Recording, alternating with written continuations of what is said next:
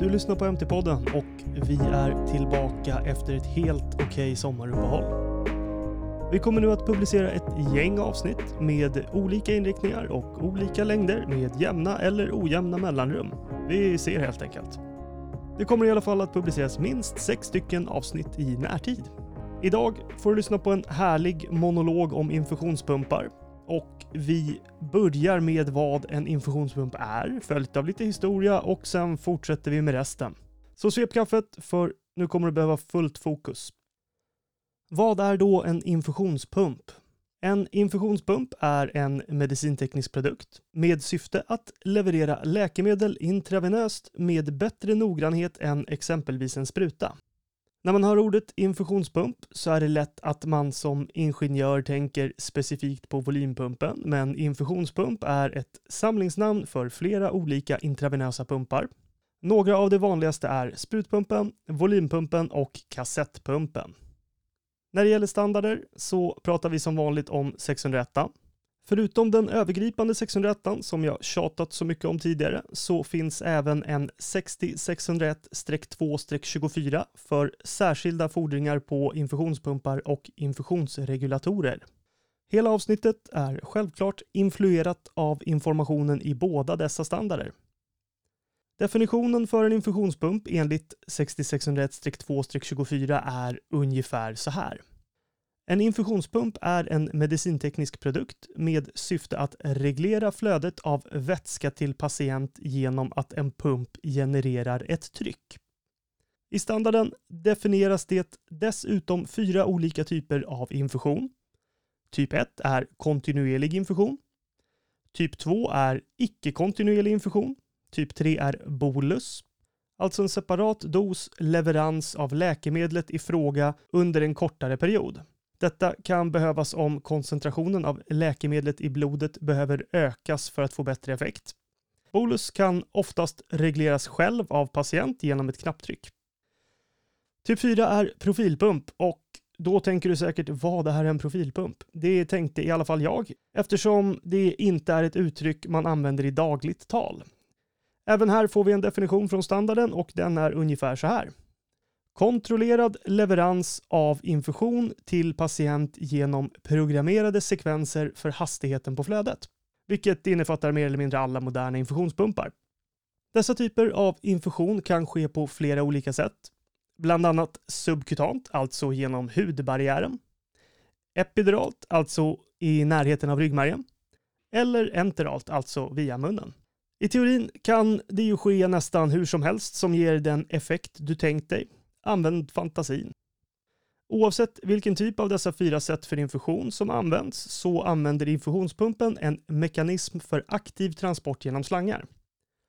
Oftast via en nål placerad så att läkemedlet får tillräckligt bra effekt för att uppnå sitt syfte.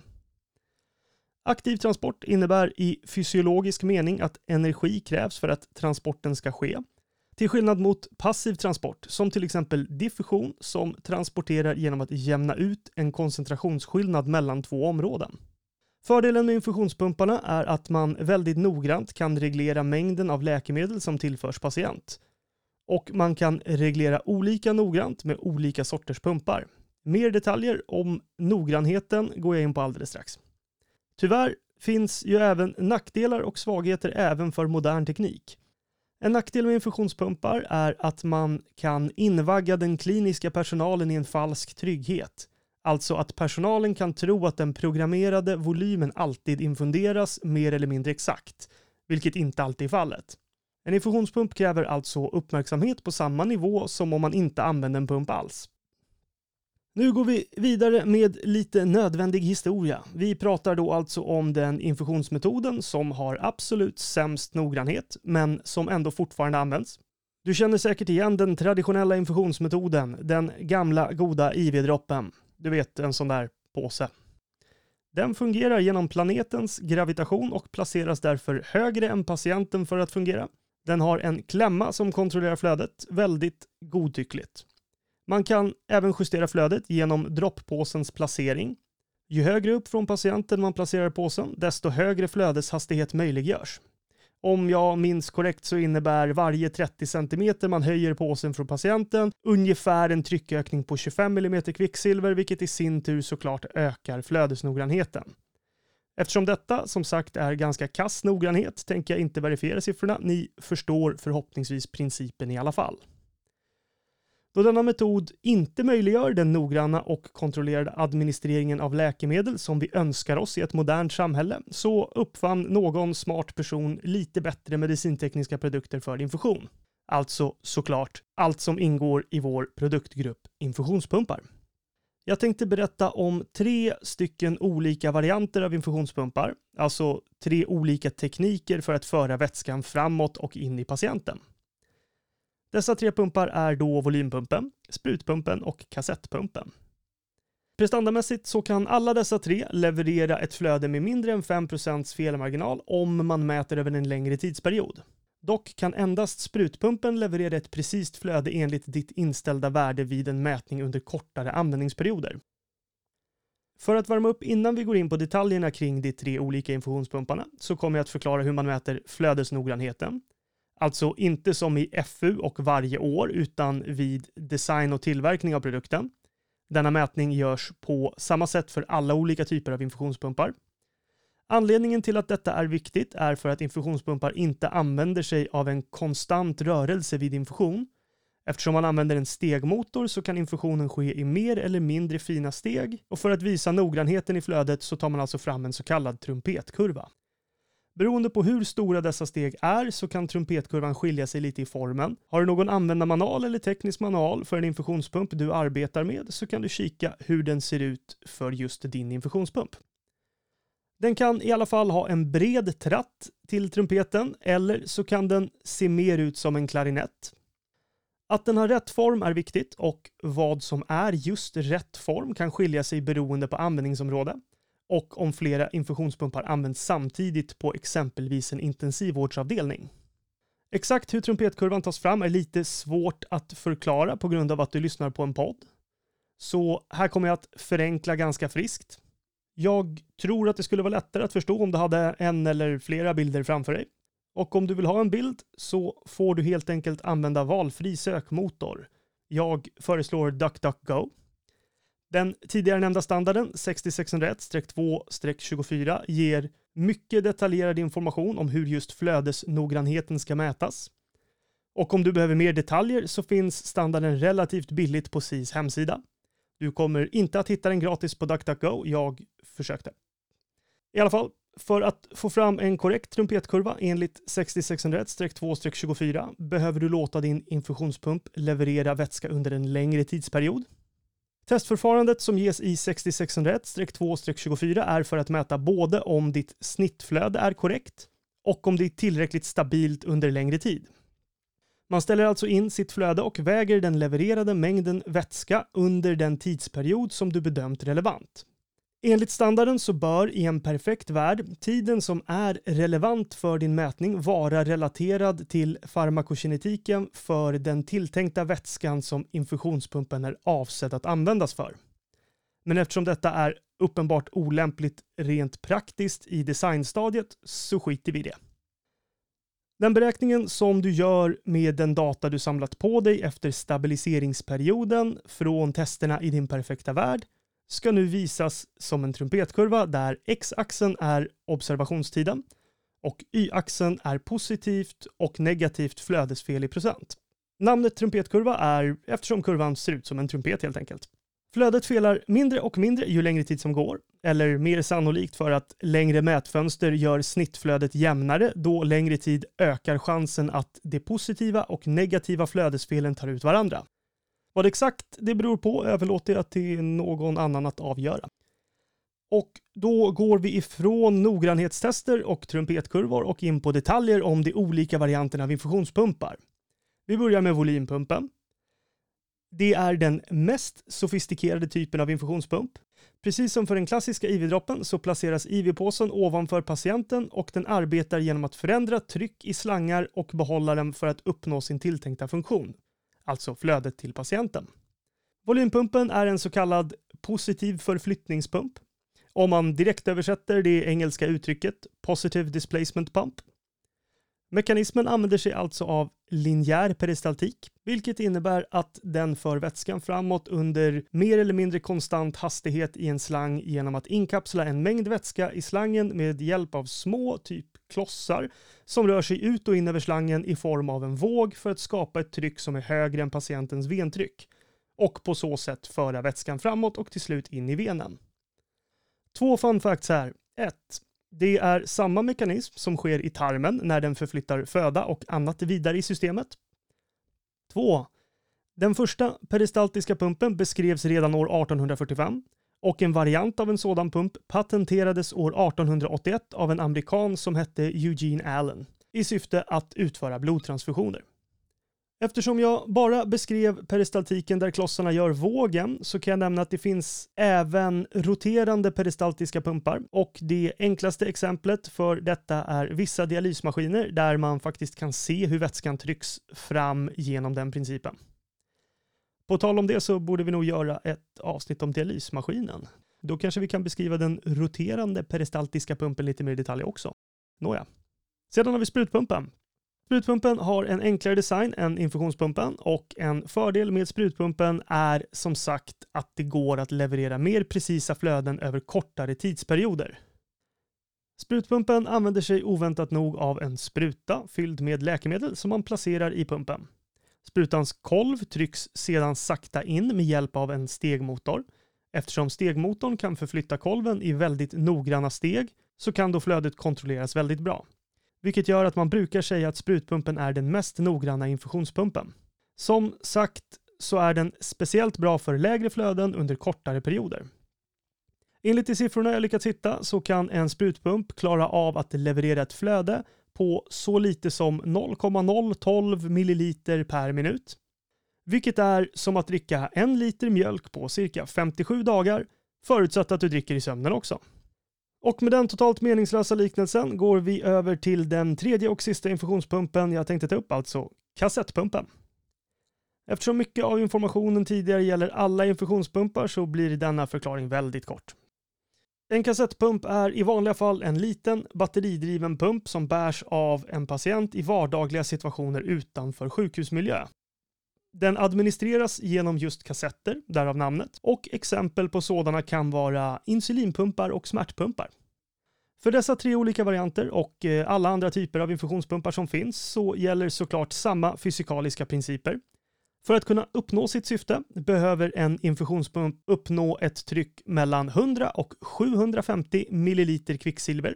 Detta för att kunna trycka vätskan genom slangen oavsett andra källor för resistans som kan uppstå.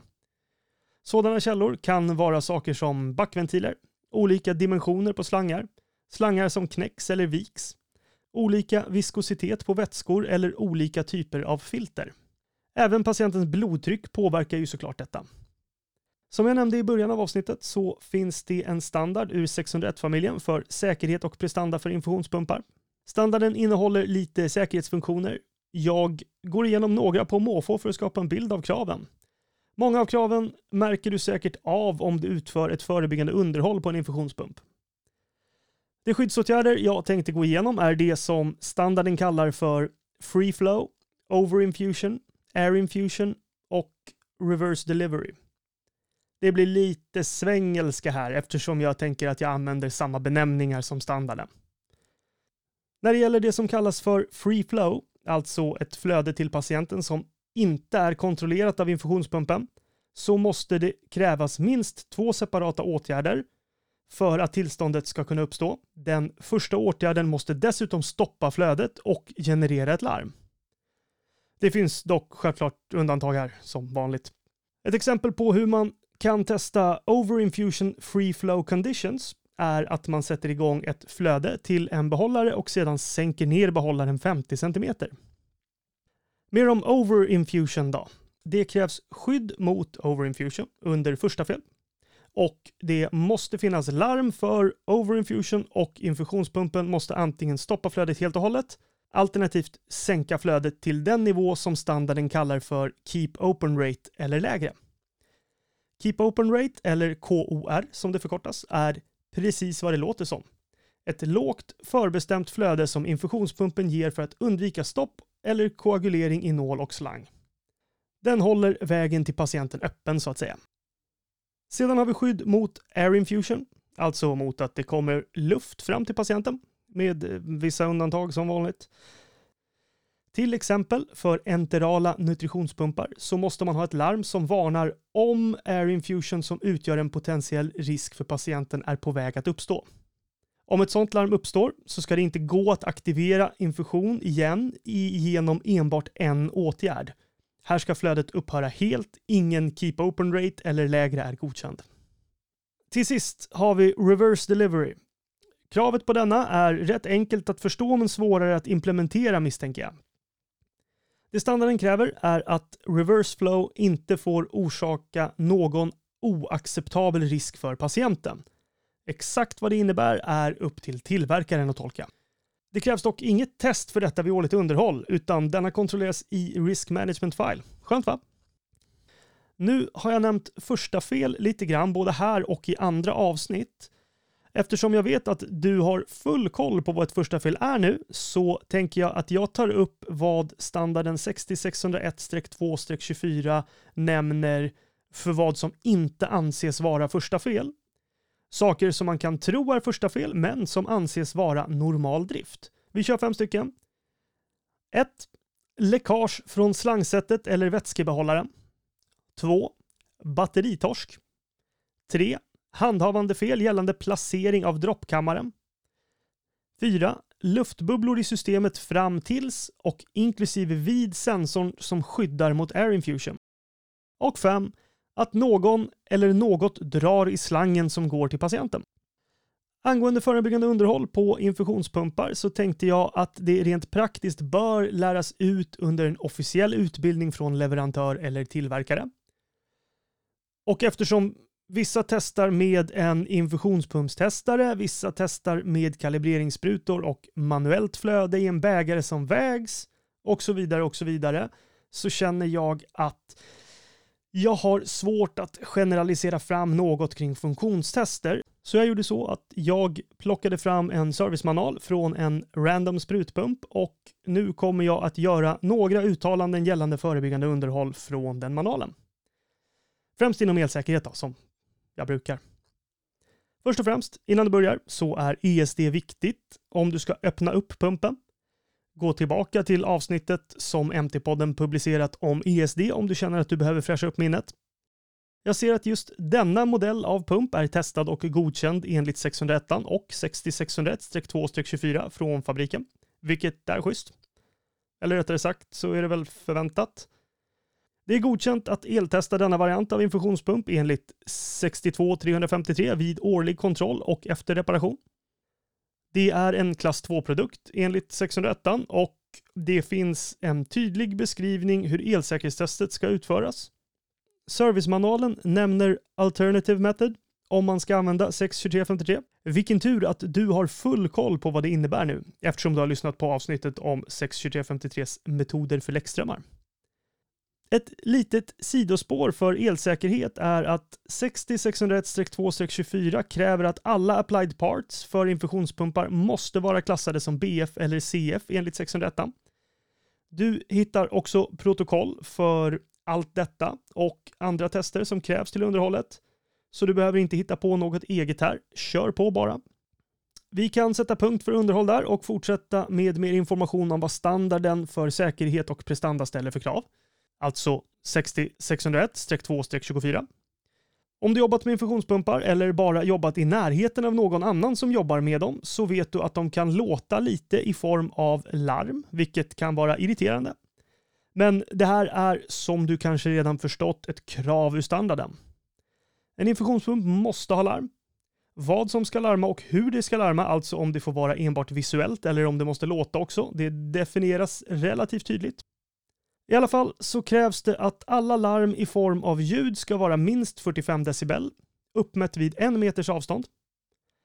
Det får inte gå att justera lägre än så utan specialverktyg eller någon form av knappsekvens för att undvika att detta görs av misstag. Du tar även listor med hur larm ska prioriteras, vilka som är högt respektive lågt prioriterade. Till exempel så måste en infusionspump som drivs med extern ström generera ett lågt prioriterat larm när strömförsörjningen bryts.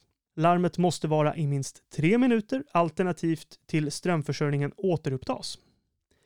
Har en infusionspump med intern strömförsörjning, vilket sannolikt är fallet, så måste den larma minst 30 minuter innan strömmen tar slut. Och även här finns det undantag, alltid undantag. Det finns tonvis med mer information i standarden som är mer eller mindre intressant beroende på hur man är lagd. Men jag känner att jag behöver sätta punkt här så att det inte blir för tungt att lyssna. En sak jag ville ta upp, men som får bli ett eget avsnitt eh, kanske, är IT-säkerhetsaspekten för infusionspumpar eftersom väldigt många av dem är uppkopplade idag. Samtidigt som det potentiellt går att göra ganska stor skada om man är ute efter att sabotera. Ni vet vart ni ska mejla om ni är sugna på ett sånt avsnitt. Ju fler som mejlar, ju snabbare får jag tummen ur. Du har lyssnat på MT-podden och nu kan du massor av nödvändig fakta om infusionspumpar. Om du har frågor eller synpunkter, hör gärna av dig på nyfiken.mtpodden.se. Det var även denna mejladress som jag syftade på när jag sa att du visste vart du ska tjata om IT-säkerhetsavsnittet. Om någon missade det. MT-podden görs i samarbete med Lars Karlsson och Svensk Medicinteknisk Förening.